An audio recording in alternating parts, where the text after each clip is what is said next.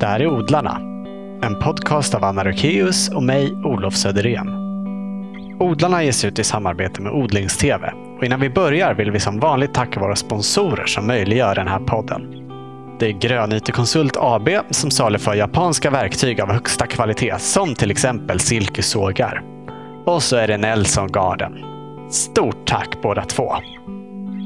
En av de absolut mest spännande trädgårdsböckerna som kommit den här våren är Sotip Austads Den asiatiska köksträdgården. Och det är Sotip, eller Tips som hon kallas, vi träffar i det här avsnittet av Odlarna. Hennes livshistoria är minst sagt gripande. Med en svår uppväxt i Thailand i bagaget startade hon för 25 år sedan Austa gård utanför Stenungsund i Bohuslän. Då var hon novis på odling Idag står stjärnkockarna landet över i kö för att få servera hennes grönsaker på sina restauranger. Och vi har nog aldrig träffat någon som odlar med sån precision som hon. Intervjun spelade vi in den 28 mars hemma hos Tipp på Austa gård. Varsågoda!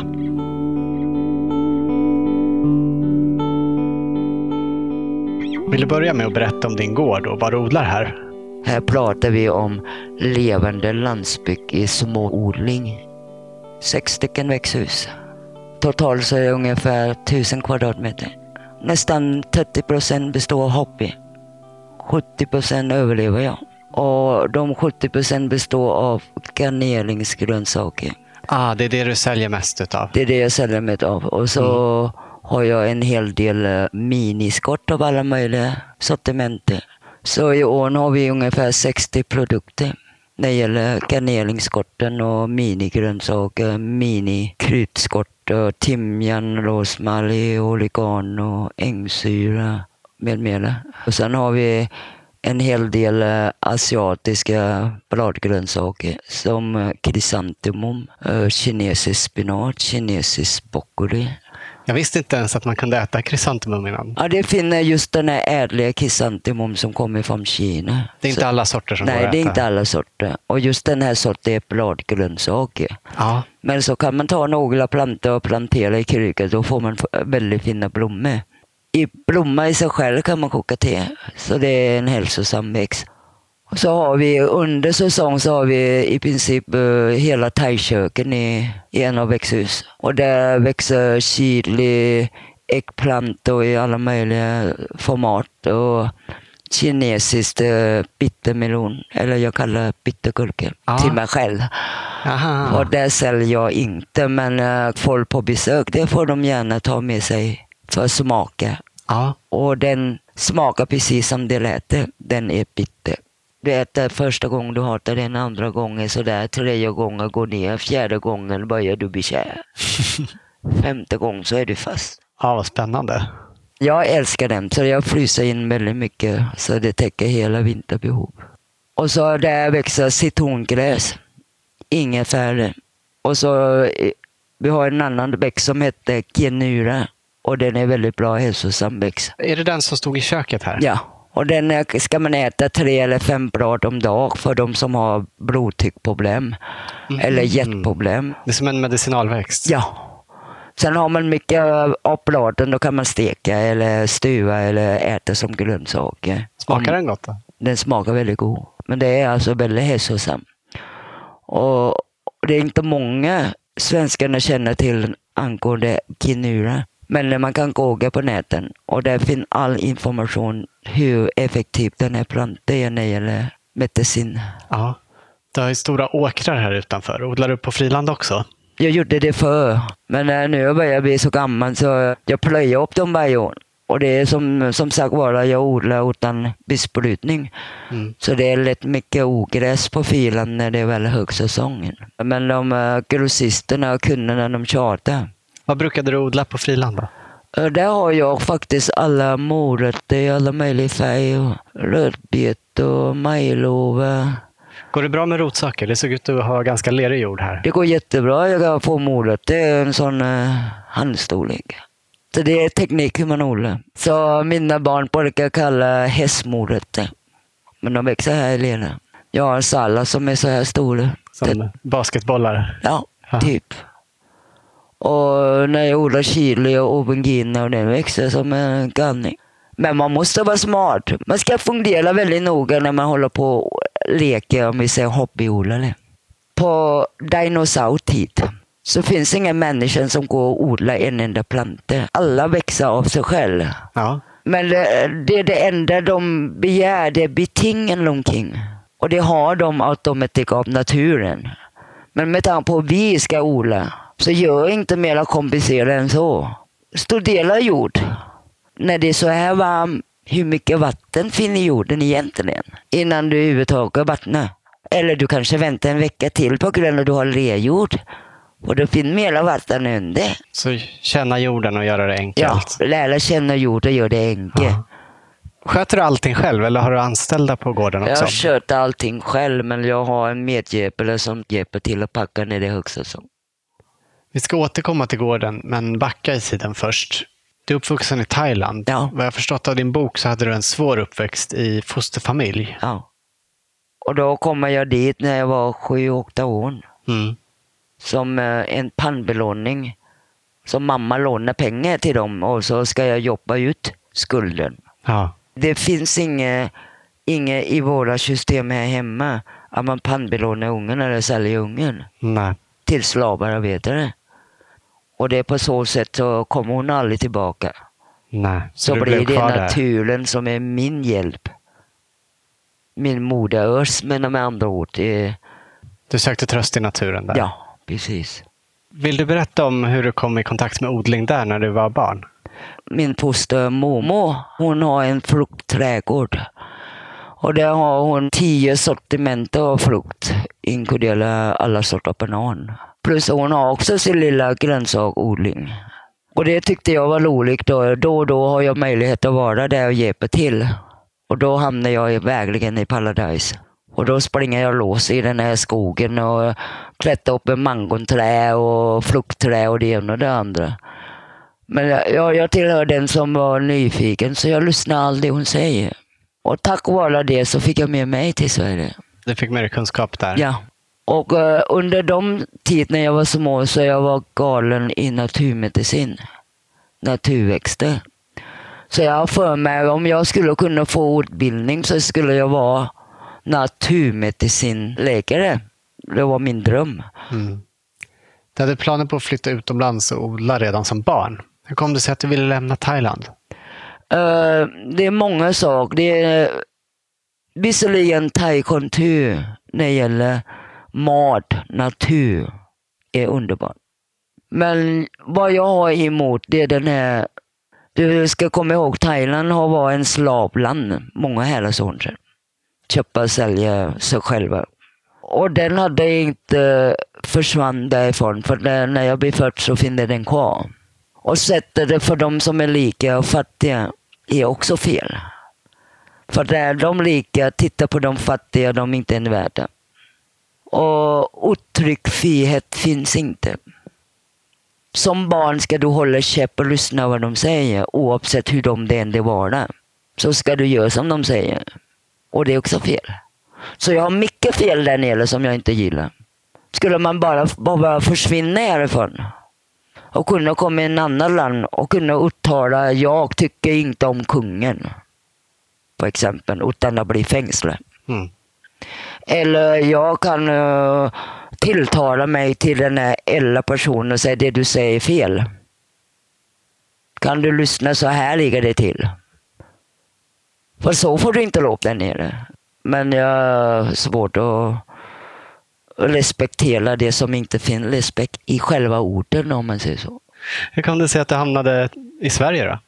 En av min kusin är kapten på Taje. På den tiden så reser han ofta till Stockholm Aha. och han berättar om Sverige hit och dit och det andra och det ena. Och så en gång så följer jag med och, och så träffade jag en kille som hette Gunnar. Sa jag med honom, kommer du till Thailand så kunde vi omgå. Mm. Och så gjorde han det. Då hade tydligen SAS en sån där kvällbuffé. Ah, var Gunnar också pilot? Ja. Och så var Gunnar med där och så hänger jag med där. Och så berättade Gunnar han var i Thailand i några veckor och pengen tog slut. Och han skulle gärna stanna en vecka till. Och så sa jag honom, men det är inget problem, jag kan låna dig pengar. Med ränta, säger jag då. va. Väldigt sån där hård kärling. Och så småningom så kom eh, med flygbiljett med pengar tillbaka. Och det var biljetten som var ränta. Mhm. Och så skriver han lite grann sådär, kommer du nu och det är jättekallt i Sverige. Du borde säga till att du verkligen har vinterkläder. I Thailand, vinterkläder, vänta lite grann. Vinter brukar vi ha 18 grader på kvällen och 35 på dagen. Mm. Nej, men det räcker med högklackade skor och en liten ulltröja. Mm. Så jag dyker upp på Arlanda med högklackade skor. Och de är lite hög. För jag tillhör den där madam som älskar 15 centimeter. Och så ser jag flygplan gå ner och så ser jag all snön. Och jag lovar dig, det glömmer jag inte än idag. Nej, jag förstår det. När man kommer ut genom uh, dörren och så stoppar jag in fötter i den där snön och så känner den är halkande. Och alla tittar. Och jag har inte pratat hur många grader än. Hur kallt var det då? Men det var minus 18 grader. Ja. Hade du upplevt minusgrader någon gång innan? Aldrig i livet, inte så. Nej. Jag var i Tyskland, men jag, visserligen jag var där bara på sommaren. Ja. För mig så det var, vad fan gör jag här? ja, jag förstår det. Så, så småningom så, efter många omständigheter så lär jag mig snabbt att älska natur för det kommer våren. Ja. Och så lär jag mig att, runt Rosenda sjön varje dag. ja, du bodde i Solna då? Det stämmer ja. Och våren var väldigt vacker på Rosenda sjön. Hur många sorts fåglar som helst och hur många sorter vilda blommor. Så det, det är en hel paradis ute. Och när var det du kom till Sverige? Ja, jag, det var eh, 74 första gången. Så åkte vi ihop till Thailand och så, så bor vi där i halvår. Mm. Så eh, på så sätt så beslutade vi gifta oss då. Så kommer jag tillbaka igen och eh, 76 då eh, bestämde jag mig att flytta till Sverige Ja. igen. Och då kommer jag på det, ja just det, nu är jag gift med en pilot ja. Ja, ja just det. Jag kan åka hem när jag vill. Sen så småningom så började jag inse att jag skulle ta in thailändska torkade kryddor. Ja. Så jag åkte det ner till Thailand så jag kan köpa massor med kryddor. Så jag hyrar en hel eh, minilastbilen och så åker på grönsaksmarknaden klockan tre på natten och så köper jag alla kryddorna och sen ska vi ropa i hela gatan till hjälp. Vi ska torka kryddorna. Så när jag torkar färdigt så skickar jag hem den och så åker jag hem och hemma så packade jag om dem i små. Och så, var, så, så såg jag damtidning. Och massa med recept, maträtten. De måste jag ringa. Och så ringer jag, erbjuder mig själv att jag kunde laga den här thailändska maten så ni kan komma och få äta den. Och jag är jätteduktig. Jätteduktig att laga mat. Då. Men i gengäld så vill jag ha en liten fin namn med. Och så tackade de ja och så tyckte jag, fan jag kan inte en koka ris. ja, du var inte så bra på matlagning Nej, som du hade nej, sagt. nej, nej, inte det minsta. Men jag har en thai-kokbok. Ja. Även jag inte har gått i thailändska skolan så är jag väldigt duktig att läsa. Mhm. Så jag pluggar in den där. ja, du hade inte gått i skolan alls i Thailand? Nej. Så jag, var, jag försöker min bästa och, och hålla i sju rätter. Ja. Lovar dig, när tidningen kommer ut, då är det tusentals brev på brevlådor varje dag. ja. För det var någonting nytt.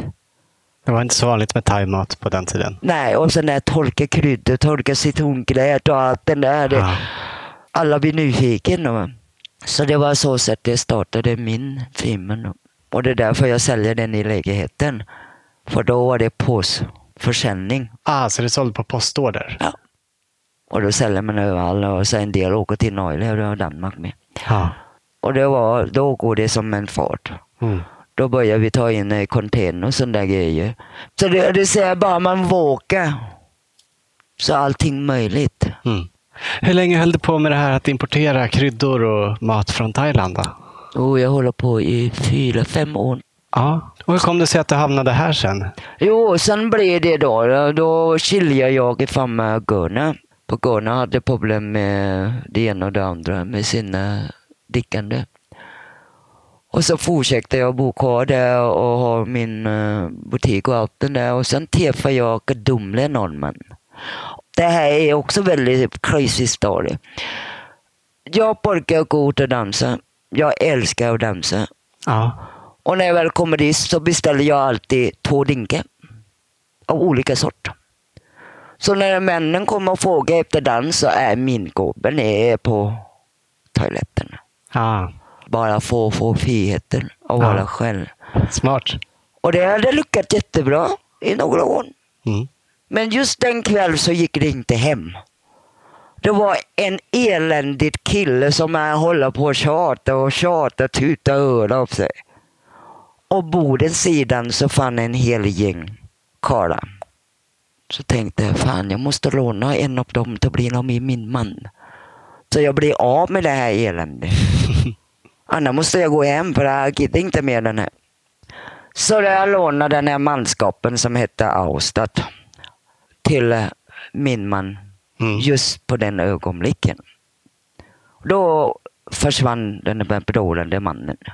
Och så när jag skulle åka hem så tyckte jag vi åker samma väg så delar vi på kostnad. Ja. Så tänkte jag inte mer på det när taxi kommer och så storbit som jag var också där i min butik pekar jag då i samma hus kan man säga. Mm. Och så var ingen med med det. Så samma dag, ett eftermiddag, så kommer det 50 rosor på dörren. Och på något sätt så blir det avstått. Jag är i alla fall som min man i 20 år. Mm. Med två ungar i bagage. Så det var med honom du flyttade hit Då flyttade vi till Gårdsten utanför Göteborg? utanför Göteborg. Och så köpte vi den här stället som eh, sommarstugan faktiskt. Ja. Barnen skulle ha det jättetrevligt varje helg och nära havet. Och så blev vi kvar här. Så när var det här som du kom hit? Och när vi köpte det går, det var 89 var det. Så 27 år sedan. Ja. Det började odla 91. Jag har förstått att det var ren ilska som fick dig att börja odla här. Ja, Vill du det- berätta om det? Det är nämligen, först hade jag problem med gubben när han gick i den här äktenskapsproblemen. Mm. För allting var kollaps mer eller mindre. Ja. Och då anmälde han mig som arbetslös. På Arbetsförmedlingen? Ja, och då sa jag, jag tar vilket jobb som helst, vad som helst. Och så efter fyra månader tror jag, då började jag bli väldigt irriterad för det man vill jobba, man vill ha mer pengar för det ska täcka alla kostnader igen och det andra och gubben tjänar inga pengar om man säger så. Och då blir det de mening som gör Austergård kom till. Visserligen mening var inte illa menad. Men eh, när hon säger det så kan man tolka det på vilket sätt man vill. Mm. Och säger man på så sätt att som invandrare har du ingen chans. Just för tillfället så har vi väldigt många arbetslösa svenskar. Då, då sa jag till henne, du tar det i hela systemen och stoppar precis, du vet vad jag menar. Jag kommer aldrig tillbaka. Sen dess har jag inte varit tillbaka nu. Nej. Hur fick det här dig att börja odla då? Jag har 20 hektar. Ja. Som hör till gården här. Ja. Och så tänkte jag då när jag gick ut därifrån så tänkte jag nej fan du har 20 hektar. Kan du inte återkomma med någonting då är du med fan dum i huvudet. Och så på väg hem så köper jag flöng och spade. Med all pengar jag har. Ja. Och så började jag gräva bakom ladugården. Så sa jag i alla fall första gången och okej om jag odlar så har vi mat. Och det som blir över det kan jag sälja. Mm. Men alltså omvandla negativt till positivt. Varje spadtag så är det väldigt intressant. Så det kommer mast, det kommer olika skarbackar som man inte vet vad de heter just då. Mm. Och några olika sorter av larver som man inte har koll på. Då har man problem. Då är det start biblioteken och hämta alla insektboken. För att lära sig vad de... vad de hette och vad de är bra eller dåligt till grönsakerna. Så det var helt plötsligt har jag en hel universitet här. För man måste kunna allt. Så blir det en utmaning på något sätt. Ja. Det går att läsa i din bok att du plockar brännässlor, att de hjälpte dig i början. På att starta Avstagård. Ja. Ja. Så enkelt är det. ja. När vi skulle öppna Avstagård då ska jag ha pengar. Det hade inga pengar. Och, och då är det bara startbiblioteken igen och låna tre matkassar med boken om naturmedicinväxten, den vilda här. Och då träffade jag på nummer ett, brännässla. Hur mycket som helst. Och sen de gjort som jag vände så växer det nämligen hur mycket som helst svinmåla. Och då fick jag veta att svinmåla är egentligen en gammal spinat ja, Sort, just det. Den används som... som hade som växt så vild så det var ingen någon som intresserade den. Nej. Så den blir ogräs. Så jag plockade både brännässla, svinmåla, kisskål och maskrosblad. Humleskott plockar jag också. Det finns mycket där nere i Bäcklavinen. Eh, Nackdelen man måste sortera då om det är hona eller hanna. Hanna är ingenting att ha för den är för tunn. Aha, är Hona det är- honskotten som är Ja, bäst? som är lite tjockare då, så det är liknande sparris. Så det var att ha tålamod innan man får ihop en kassa med brännässleskott. Ja, det tar en stund att plocka en kasse. Alltså framförallt när man plockar så här tidigt. Va? Ja, när de är riktigt små. När de är riktigt små. Men det är då de är som bäst du hur många skott det finns i ett kilo? Nej. När man plockar det nu. Cirka två och en halv tusen skott per Mm. kilo. Det tar en bra stund att plocka det. Ja. Så under veckan så kan jag plocka ibland 40-50 kilo. Ja, Men det var många goda skott. pengar till Ja. att köpa frön, jord, gödsel och allt tillbehör till Avstagård. Ja, du plockade och sålde de här skotten då? Ja. På Avstagård startade med 380 spänn någonting. Ja. Ja, inte gård i sig själv, men Nej, själva Men Avstagård. själva odlingen. Så det var mycket lärorikt. Och så, så hade jag uh, gårdsbutik, jag hade eternellkurs, jag odlar med massa med eternell. Svampkurs, så jag går ut i skogen. Så man gör allt för att få ihop kronorna. Och så plockar jag vissa säsong så nära ton med svamp och säljer. Så på så sätt så Austagård överlever. Man blir inte lik, men man överlever. Bara jag har ris i kastrullen så är jag nöjd. Ja. Det gäller att man måste vara galen för att kunna vara nöjd det man håller på med. Faktiskt. ja, kallar det galen eller så är det då man inte är galen. Ja. Idag plockar jag inte så mycket nässlor. Nej, det gör inte det. Nej, men däremot så vet de att um, nässlor som kommer från Alstagård är jättegod. Så beställning finns fortfarande. Så jag plockar bara när jag har tid. Och de är jätteglada eh, hur mycket de än får. Och det, även jag slutar ta med den i produktlista så kommer den med ändå oavsett. De beställer i alla fall. De beställer i alla fall. Så det har blivit lite nisch på gården. Gillar du att plocka nässlor? När de är lite större än just nu. Då är det väldigt roligt. För första plockning som gör det, om du går ner i bäcklavinen med ICA-påsar, brukar jag ta då. Och så tre handskar i ett. Och så börjar jag plocka de här små knopparna med gudomlig färg. För de kan vara lite violett, liten rosa, grön, Ja. mörk. Det är så gudomligt. Så kommer den här lukten, den här, den här vårnässlelukten. Mm. Alltså det, det kunde man inte motstå. Nej. Finns det nässlor och svinmålla i Thailand också? Det finns eh, samma släck Ja. när det gäller nässlor. Och svinmålan, det har vi också, men det är betydligt mycket större. ja.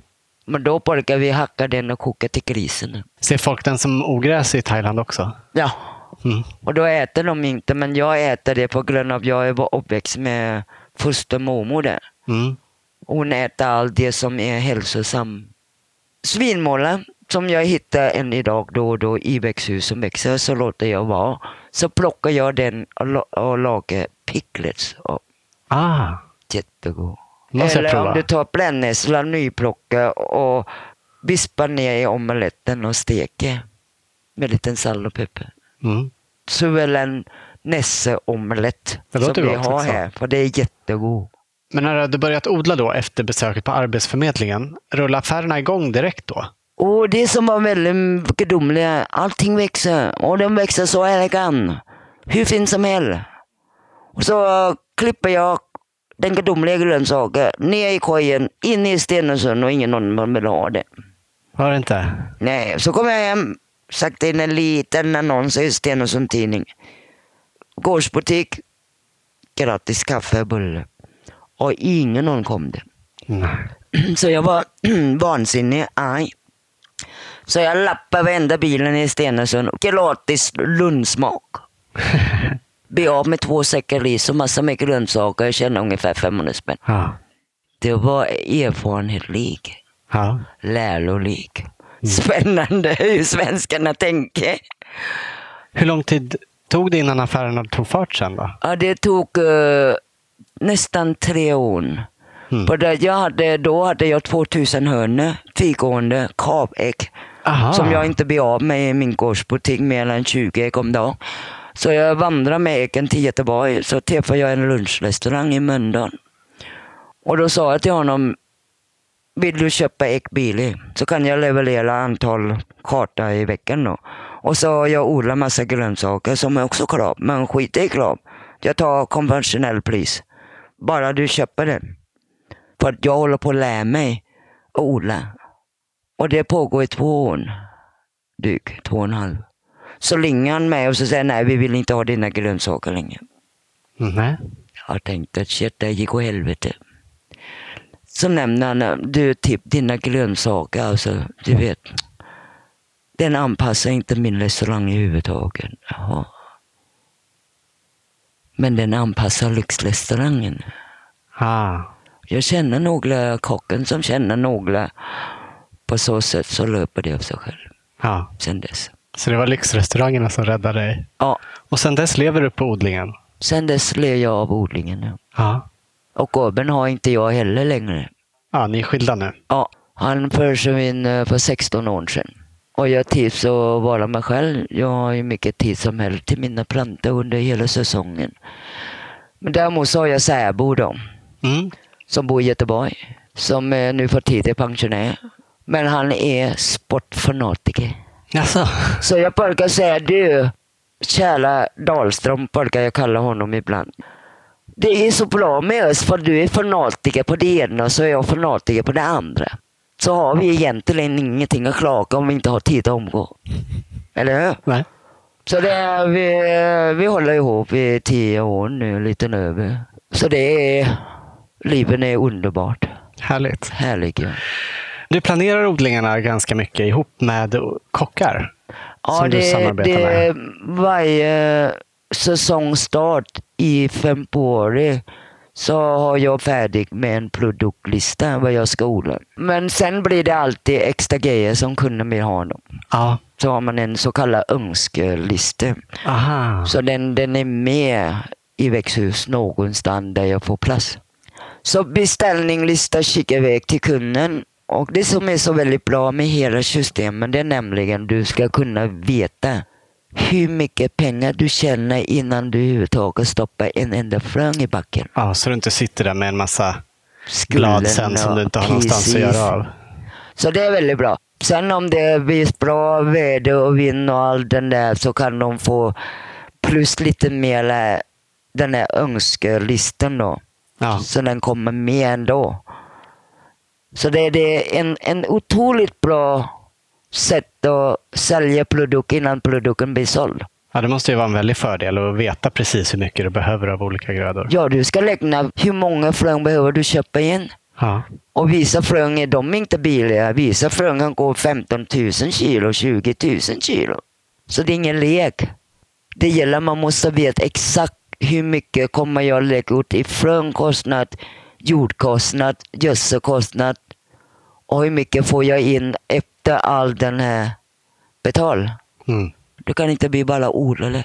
Du måste vara svinekonom nästan för att kunna få hela tänkesätt för att gå ihop. Mm. Med att driva företag. Och... Ja. Ja. Och det här driver jag ensam. Jag driver allting. Jag sköter bokföring, jag, jag fakturerar, jag, jag, jag överallt. Mm. Men jag njuter av min lilla ting. Odlar du egna fröer också? En del. Men det är inte många. Men det är bittergurka, koriander och en del uh, pak choi och chili, aubergine, tomater och ja, en, en hel del när man Ja, det börjar var räkna. ganska mycket ändå. Då blir det mycket ändå. Va? Så det, det, det är också en, en, en annat hobby. Så delar jag med mig då och då till folk som är nyfiken. Mm. Är det inte enormt svårt att planera alltihop? Att veta att grödorna faktiskt ska vara klara till ett visst datum och så? Nej, jag är duktig så du. jag kan lita in de här odling redan i januari. Sen när jag väl går i växthus, jag behöver inte ta med mig papperet, för då har jag fotominne. Och när jag väl har räknat ihop allt den där och det ligger i pärmen. Det är vad all kunden beställer. Det behöver jag inte öppna. Och då har jag redan in i huvudet att den kund behöver så här många så det går av sig själv. Då är det ingen stress förstår du. När du har allting färdigt i slutet av februari. Då kan du koncentrera vara i växthuset och plantera, vattna och du behöver inte en, ett dugg bry sig om kunden.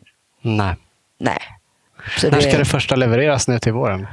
Den ska gå den uh, 11. Det är om två veckor ungefär. Ja, Mm. det är första. Och den går, Vad är det första som blir klart då? den går ut eh, 16 produkter faktiskt.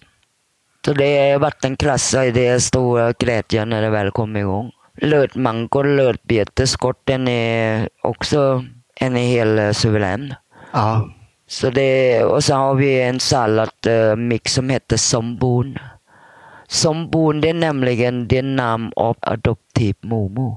Eller fostermormor. Ah, den är döpt efter henne. Jag dop efter henne för hon hette Sombon. Ah. Eh, Stefan Karlsson, en kock som driver flera restauranger i Göteborg. Ja. Han har ju skrivit förordet till en bok. Och där berättar han att alltid lyckas leverera grödor trots att det kan vara väldigt specifika önskemål. ja. Han tog ett exempel med mandelpotatis väldigt tidigt på säsongen vanliga. till exempel. Hur gör du för att få till sådana saker? Jo men det är det som jag säger, jag älskar utmaning. Sen hur får jag till, det vet jag inte katten när jag tar emot orden. Nej, det löser du sen. Det löser det sig. Får jag en uppgift av någon kock eller någon restaurang så min hjärna går som en robot. där. Så på någonstans så hittar jag en lösning. Bara pang. Ja. Så ringer kanske Stefan eh, som förordnare ringde. Du, Sverige Radio fyller, jag kommer inte ihåg om det var 70 år eller 50 år eller det var. Ja, till och med 90 tror jag det var Sveriges Radio fyllde förra året. Ja. Och jag skulle ha mer grönsaker till Stockholm. Nej, det är inget problem. Det fixar jag. Ja, så har jag glömt. Åh nej. Så ringer han och förvarnar veckan innan. Du har väl inte glömt det? Nej då, nej absolut inte. När ska vi ha det? Ja men det, vi hämtar det när jag är övermorgon. Jaha. Och då, Det låter som en svår utmaning. ja, då är det utmaning. Vad kan du få ihop? Och då kan jag sikta här. Jag vet exakt varenda centimeter jag har där ute. Exakt. Om jag plockar den där och den där och den där. Och så den där. Nej men den där kan inte Stefan få för det ekar av den där restaurangen. Och så får jag ihop de här kilo jag behövde. Mm. Så var det bra det. Det är alltså hundratals meter med odlingsbäddar ute i växthusen Ja. och det har alltihop i huvudet. Jag har allting i huvudet. Jag kan lita exakt också om du inte tror mig. Jag jag kan tror lita det. en karta till dig och gå och hämta en sort som du inte känner. Ja. Det handlar om på varje kvadratmeter i växthuset så har den olika temperaturen och olika solstrålning som kommer ner i olika tider dygnen. En del gillar mycket varm och en del gillar lite kyligare och en del gillar lite halvskugga. Så de är väl passerade i huset. ja. Så alla ska må bra. Minutiös koll på allting. Ja, Finns det någon sån här utmaning som du inte har lyckats med? nej. Det har alltid varit, kunde alltid nöjda. Ja. Och framförallt de här olika speciella beställningar. Det gäller att man inte missar den, för det, då blir det kaos. För har redan bestämt om. Så det är inte alltid så lätt att få en ersätt grönsaker spontant om man säger kungamiddag. Eller typ eh, Victoria dykte upp här, hon var höggravid och vad hon ska äta och vad hon inte får lov att äta. Och... Så det är det massa sådana, det kallar jag utmaning. Ja. Och då går jag gärna där och verkligen plockar den finaste, ja. snyggaste. Hur många olika kunder har du idag? Idag har jag, ska jag säga, fem stora kunder. Är det restauranger som köper direkt av dig eller är det Nej, det är grossister? stora grossister. Mm. Sen har jag Stefan då, som köper direkt hos mig. Ja. Uh, Sluss pensionat som finns på kusten här. Vila Sköldtorp. Så vissa restaurang de hämtar själv. För jag kör inte en enda gram här. För jag måste koncentrera ordet. ja. I lugn och ro. Ja. Men däremot de som äter mina grönsaker. Någonstans i Sverige. Som kommer förbi och presenterar sig själv. Jag var där och äta. Och jag hörde grönsaker kommer från dig. När man var trevligt välkomna. Då uppskattar jag att de kommer hit. De upp- uppskattar mina grejer. Det är en belöning. det. Mm. Jag förstår det. Ja, det är inga pengar, men det är en belöning. Ja. Du är väldigt noga med att det ska vara en bra kvalitet på grönsakerna. Ja, Du odlar helt ekologiskt. helt ekologiskt. Har det aldrig hänt att du har fått angrepp av något skadedjur och Jo. bara känner att jag måste leverera det här. Nu nej. besprutar jag med någonting för att få bort det där. det, hela växthuset är väldigt anordnat. Jag är där varje dag. Ja. Jag kollar. Ser jag blaslös som kommer in där, bort med dem. Så konstaterar jag, den hinner växa. Så det är bättre att gå runt och kolla alla insekterna plocka ut dem. Eller skulle det lyckas att jag missar en dag och någon uh, gudomliga insekt som älskar någon bet någonstans. Ja. Då komposterar jag för masken behöver maten mer. ja, du slänger och börjar jag, om. Ja, så odlar jag ny. Ja. Finns inte risk att det inte hinner bli klart då? Det har jag aldrig gjort. Det. Nej. Skulle det missa det så finner det. Ska missa det så finner det. Du kan byta då och ta något annat istället. Ja, så det löser jag alltid. Mm. Men däremot, eh, jag tycker inte om en eh, grossist eh, köper in och lagrar. De ska köpa in precis hur mycket de har behov av tre dagar. För att det är riktigt färskt. Ja. Och jag är väldigt tacksam när kocken ringer och upptäckte en av asken och var värdelös. Då säger jag till att det kommer till rätta, alltså vad som har hänt med den asken. För att någonstans går fel. Typ eh, bilen kanske har kört runt med mina grejer härifrån innan den kommer till laget och blir varm och, och Mm. skaka eller banka eller ramla i lastbilen eller dunka dem på golvet där på lagret och slänga upp på hyllan och Ja. någonstans måste Mm. vara fel. Mm. För saker och ting kan inte bara gå fel. finns alltid en orsak. Ja. Sen har jag två kylskåp. Så det- på varje packning av varje produkt så finns det en ask här. Så skulle de ringa mig dagen därpå att du, det vi fick igår var dåligt, så sa jag vänta lite. Så går du och kollar på dina. Nej, mina är ju frisk som helst. Vad har bilen varit? Kylskåpet har ni ordentlig temperatur på. Någonstans är fel. Ja. Jag har en kontrollexemplar av varje. Ja. Det är bra. Det, det är där så du går hela vägen. Du inte bara säljer bara för att sälja. Mm. Du är intresserad också av hållbarheten. Vad händer om jag slänger asken här varje dag? Det gör jag också. Och tillbaka i kylskåpet. Hur många dagar det håller. Då kan man diskutera om det. Mm. Du vet, de alltid pratat om de här grossisterna. Så fort det kommer solen så ringer de Austakort. Har du brännässla? Det gjorde jag om en månad sedan. Mm. Så de, de har ingen förståelse hur saker och ting fungerar. Så de det här under säsongen. Då predikar jag. Mm. Då lär jag upp dem hur saker och ting fungerar. Ta en liten tid och lära slutkunden att förstå hur närodlare fungerar.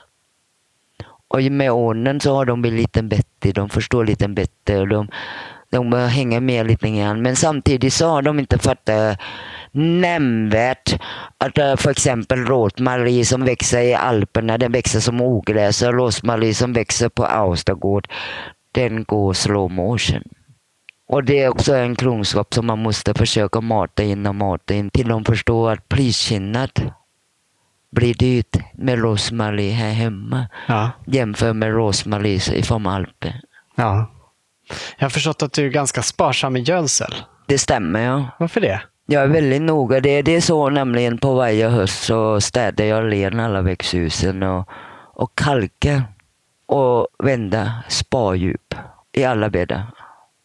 Så bra grundgödsling ifrån kalk. Du behöver inte planta så mycket gödsel. För det säger av sig själv. Jorden mår bra, så växer plantan då. Sen när man odlar under säsongen så gödslar man liten. Blir kvaliteten sämre om du använder för mycket gödsel? Jo, det är alltså nummer ett. Vi vill inte ha grönsaker som växer för fort, som inte ger smak. Uh, nummer två, vi vill inte ha grönsaker som inte håller. Nej. Så det, alltså visserligen, jag kan övergödsla den och tjäna med pengar. Men det var inte det jag är intresserad av.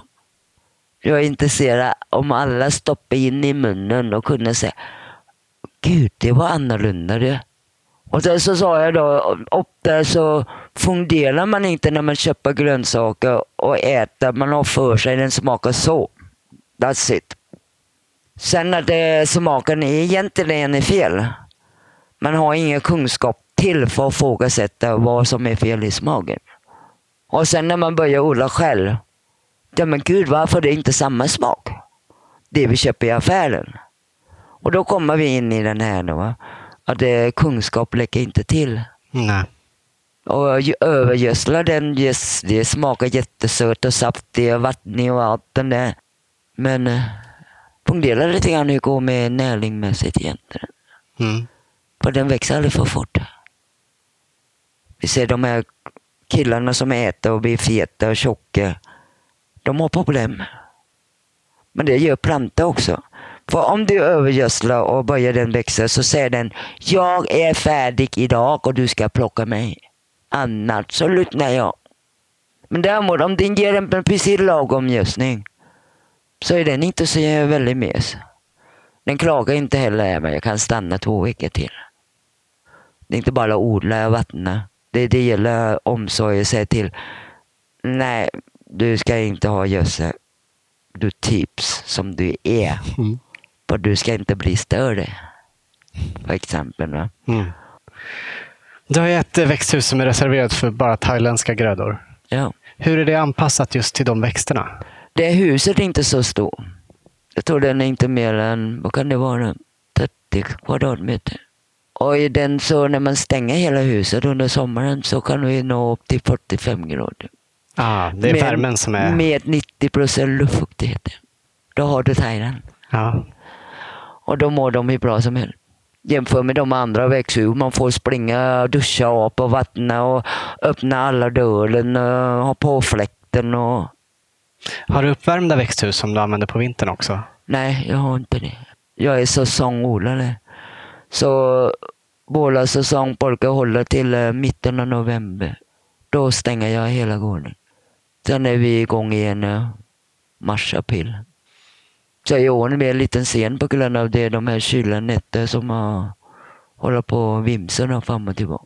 Annars hade vi redan plockat en omgång. Vilka är de största problem du har i dina odlingar? jag inte upplever någon problem med alla kunskaper. Man måste lära sig först innan man kan odla. Du vet timjan. När jag lär mig odla timjan, det tog mig sex sju år. Och när jag väl lär mig det, det var ingen annan som ville ha det. Det var ingen annan som ville ha timjan. Och? Stefan var jätteglad. Där var jag får min timjan ungefär. Ja, det var just han bara som ville ha till sina Ja, restauranger. men resten då? Och här siktar du med alla timjanor som du inte blir av med. Jag klagar på mig själv, du stackars typ. Du är inte klok du. Och då kommer det va. Jävla tipp timjan. Japp. Sakta på en, en, en veckolista vad vi har. Tipp timjan och så åker den till kunden. Sen beställer de tipp-timjan. Så du döpte den efter dig själv och då ville alla plötsligt ha? Ja, det var väldigt konstigt. Så den där stackars tipp, hon är inte stackars längre. Nej. På timjan säljs som smör.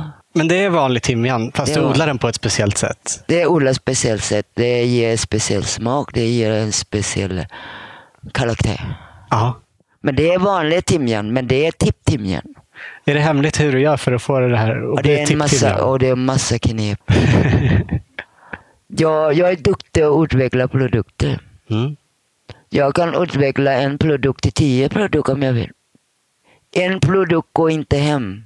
Du måste trolla fram en ny produkt av det produkt som inte fungerar. Aha, hur då menar du? Det gäller att du tänker effektivt. Bara inte lätt att testa. Det är att börja odla den på ett annat sätt alltså? Eller? Ja, för exempel. ja. Eller olika storlek. Olika sätt att odla gör att det blir olika karaktär på plantan och det vet vi alla. Mm. Matar man ungen för mycket så blir den så fet. Och matar det lagom och springer lite grann så blir den väldigt fin. Du sa att du inte hade några större problem med odlingen. Men är det inga skadegörare som är besvärliga eller så? Nej, Nej. Nej, positivt. Jag är väldigt positiv. Jag är ordentligt noga Ja. Har du någon typ av växelbruk i växthusen för att undvika sjukdomar och skadegörare? Du vet, eh, ettan går i lutan två, lutan två, nästa vecka går i lutan ett, lutan tre går i lutan två, eh, veckan därpå. Ja. Det här är ett system för hur du flyttar du runt allting. Så jag behöver inte tänka längre. Nej. Den går automatiskt. Ja. Hur skulle du säga att odlingen påverkar dig? Den påverkar mig väldigt mycket för att jag är först och främst, jag har svårt att vara still. Och då är odling ger mig en så lugn. Jag blir lugn. Ja. Alltså jag blir inte stressig som alla har för sig. Och gud så mycket jobb, det måste vara väldigt stressigt, säger de. Då blir Ja. jag stressig, det jag lovar det. Läcker de säger det. För att egentligen jag är inte stressig. Nej. Jag är i harmoni med mig själv, jag är lugn, jag, jag njuter var, varje gång man går dit och så blir det utseende annorlunda eller växer ingenting. Och det var inget mer med det, det är ingenting att bli arg på den. Det är bara att gilla, lägga god och plantera ny. Och, Ja. ja, Blir du aldrig stressad av något som du inte har hunnit med? Eller sådär? nej, Nej. Jag tycker inte om stress. Bara jag får mina lugn, då är jag effektiv. Laga mat har jag inga problem. Jag kan laga mat för 20 personer på en halvtimme. Och det tror ni inte på, men det är så, så är det fallet. Och det är inte stress, det är njutning. För jag har matlagning som hobby. Odling som hobby. För att på de här två hobby så har jag den tredje, skogen, svampen. Så finns det en fjärde också, fiska. Ja, du kopplar av i dina hobbys. Ja, Du berättade innan intervjun också att du brukar koppla av med att bara sitta och stirra en kvart typ, Ja. på en krukväxt. och inte göra något. Nej. Och bara stänga av hela hjärnkapaciteten. Out. Ja. Som meditation. Ja. Och då när du väl vaknar till om vi säger så. Och då är det full fart med det ena och det andra. Och jag har en väska där i hallen. Och i den väskan så har jag alla frön som jag har behov av. Det är massor. I olika små flaskor, och burkar, påsar och Mm. det är inget problem, bara väskan är med mig. Det är det lugnt. Och då hette det, ja men no mercy, nu ska du ut och jobba, du ska hålla igång om jag har otat nio för exempel. Men då måste jag komma in och äta lunch, det är väldigt viktigt. Lunchen är jätteviktig. Så kvart i tolv så är jag inne. Rejäl med lunch. Det gäller inte att äta köttet. Har Nej. man mycket jobb så äter man mycket grönsaker. Då har du så mycket energi kvar. För det är inte hela kroppen håller på med att smälta den där kötten och tunga mat och fet. Och det har vi ingen tid med just då. Nej. Jag vet vad, vilka behov har jag. Om jag har behov av järn, då är det en hel kilo spinat. Och så slänger jag i stekpannan. Och så äter jag själv till lunch. Och då ofta så går jag efter känslan. Om jag suger på liten syrligt och liten sån där och då, då ska jag plocka den där grönsaken och äta rejäl med den. Till hur stor del lever du på de grönsaker som du odlar själv? Jag prusar in rätt mycket så det täcker till en ny säsong. Ja, det har så det räcker hela vintern också. Ja, jag köper absolut inga grönsaker. Och det jag köper det, det är väldigt få saker. För det man vet att vissa saker så välbesprutade. Och konstgödsel. Och jag är väldigt känslig idag över de här jävla kemikalierna. Vad det är. Konserveringsmedel, kemikalier, konstgödsel. Det går inte ihop med mig riktigt. Nej. Vad är du mest stolt över med dina odlingar? stolt med mina odlingar det är att jag hjälper mig själv till självhjälp av naturen, om man får säga så. För att kunna må bra. För om du kör med hjälp till självhjälp av naturen så är det bara du själv som hjälper dig själv. Men du har natur till hjälpen. Ja, du nämnde tidigare att du sökte tröst i naturen redan som barn. Ja. Man säger när man är ensam och blir lämnad, som jag blir det då. Och plus att det är så misshandlad som jag åker på och hur mycket smäll som helst och svälter till och med där om man säger så. När du väl kommer till naturen så är det lugn. Mm. Skulle du sätta dig ner så finns det några svar på det kan jag säga då. Blir du blöt i lumpen? Eller är den torrt? Det känner du av med en gång. När du satte dig ner. Och så då och då så satte du ner och så ser väldigt torrt ut. Så satte du ner. Jävlar, det var blötten. Mm. Det var bra att vara uppmärksam på naturen. Ja, så blir den uppsam mot dig. Mm. Natur mycket är. Mm. Det är bara det, vi ser inte den, vi går förbi den. Men den finns där. Mm. Om man vill beundra den. Så går du på någon sekunder och vifsar med ögonen. Och kanske idag har jag tur. Och så plötsligt så hittar man fyrklöver. Så går du vidare. Mm. Så den här lilla sekunden är en joy. Alltså det är en, en njutning. Mm. Så det har mycket hjälp till självhjälp av naturen. Det är ungefär du går och letar svamp. Om du bara enbart, jag ska hitta dig idag. Glöm det, du hittar inte det. Jag vet inte hur man ska förklara det, men det, det har med omedvetet medvetet sinne. Du nämnde innan att svamp var lite av en hobby. Den är jättestor hobby. Den Ah, är, plockar du mycket svamp? jag plockar mycket svamp, ja. Har du alltid gjort det? Jag har alltid gjort det som barn. Ja. Jag älskar att studera dem. Ju mer man studerar, ju bättre blir man också. Och leta. Mm. Så nu för tiden så heter det jag går och hämta. Jag går inte och leta. Nej. Men däremot om jag skulle gå och studera så heter det jag ska gå och leta efter själv. Ja, du letar i marken också, Då inte bara på marken. i, ja, då letar jag i marken. Jag känner av fuktigheten. Så skulle någon följa med mig i skogen så parkerar jag dem en ställe. Så säger jag alltid, jag hänger på så här eller jacka här. Ni går ingenstans. Sen försvinner jag. Så jag springer runt hela skogen. Sen när jag är nöjd så kommer jag tillbaka. Och då hette det nästa gång, jag går och hämtar svampen. Och då vet jag Du redan vet du de var är. de finns. Precis. Du lärde dig om svamp redan i barndomen. Är det mycket samma sorts svampar som finns här som i Thailand? Det är nästan samma sort. Vi, vi har gulkantareller där nere faktiskt. Ja. Och många sorter av klämlor. Aha. Storfjärskivling, det har vi med. Ja, så du kunde de sorterna Ja, kom jag redan? kunde en hel del sorter. Det är redan som barn när jag är i skogen. För att jag har aldrig plockat hem den. Nej. Nej. Varför ska jag plocka hem till dem? De har tjänstefolk som kommer med kojvis. Ja. Har du någon favoritgröda att använda själv i köket? Bittergurka. Ja, just det. Där kan du använda gurka till alla möjliga matlagning.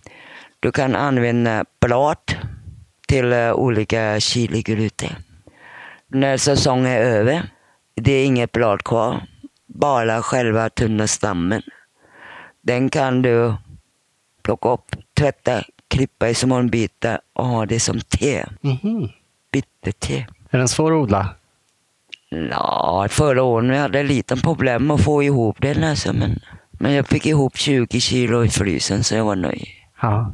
Men det krävs växthus för att odla Det kräver växthus. Har odlingsintresset smittat av sig någonting på dina barn? Indirekt kan man säga, äldsta son, han är träabolist. Och han tillhör den som heter Den trä så åker jag inte ner för den är sällsynta. Sen kan någon annan abolist komma och såga ner veckan efter. Men han vägrar såga ner den. Ja. Och sen är den yngsta son då, han är riktigt duktig och besjälar träden. Mm.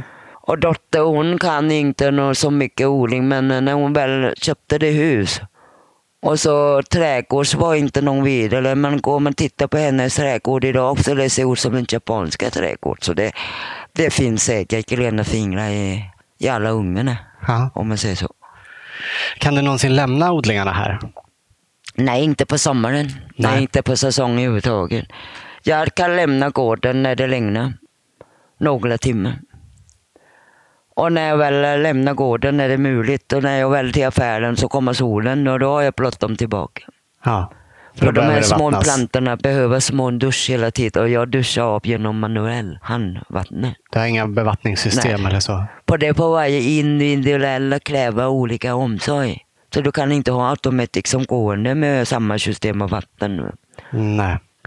Men du har ju som sagt skapat förutsättningar att odla i princip allt här.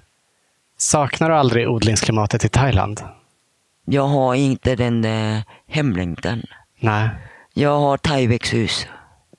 Jag har allt jag behöver. Jag har alla växthus i olika värme. Nej, jag mår bra här. Ja. Jag bara får lov att vara mig själv. Och vara med med naturen. Och... Sen är det roligt att jag kan ha, fortfarande ha högklackade skor och gå på dans. Och det gör jag ibland. Ja. Då ringer man taxi på en fredagkväll. Så taxi vet precis vem jag är. Ja, så är det dags nu. Det var länge sedan du var ute sist. Och så går jag där och beställer kaffe och konjak, sitter i lugn och ro och väntar. Ah, men det var bra då. Då går jag ut och dansar. Och jag behöver inte någon att vänta. Någon ska bjuda mig på dans. Jag kan dansa själv för fan. Jag betalar 150 spänn fan så kommer jag inte att sitta still. Så klockan tolv så där så bara jag tänkte fan jag måste hem snart för imorgon ska plocka. Och så kommer jag ut där. Ja, så ska du hem nu? Ja, nu räcker det. Så kör jag för hem. Mm. Så det är lite njutning det med. ja. Ja.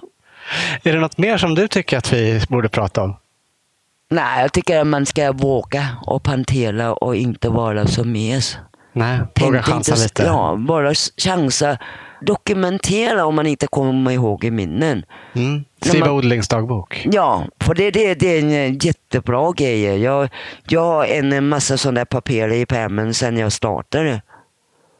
Och då kan jag gå tillbaka när säsongen kommer. Ja, men den var inte bra. Och den kan jag plantera. Just det, det kommer jag ihåg. Jag gjorde det på filen. Och den eh, informationen, det har jag än idag. Att den kilosort och den auberginesort kan vi plantera ut just här. På olika ställen har olika beting Ja. och våga. Stoppa en planta av varje sort av aubergine för exempel. Och så kommer man ihåg, den lever i år så lever den nästa år med. Så odlar man den sorten. ja. Då kan man anpassa alla växterna egentligen. Vi brukar alltid avsluta med att våra gäster får ge sitt bästa odlingstips. Har du något sånt? Det är huvudsaken, man ska vara positiv när man odlar och vara glad. Mm. Och jag behöver inte jämföra med grannar som har mandelpotatis och det har inte jag. Men det struntar i den här mandelpotatis för du har jättefina salladsblad. Man ska vara nöjd med den lilla ting får. Mm. Det är mitt tips. Stressa inte, lugn. Ta det lugnt. Bra. Ja. Tack så jättemycket för att vi fick komma hit, för att du ville vara med. ja, det var trevligt att vara med. Mm. Hoppas att ni är nöjda med mig. Det är vi verkligen.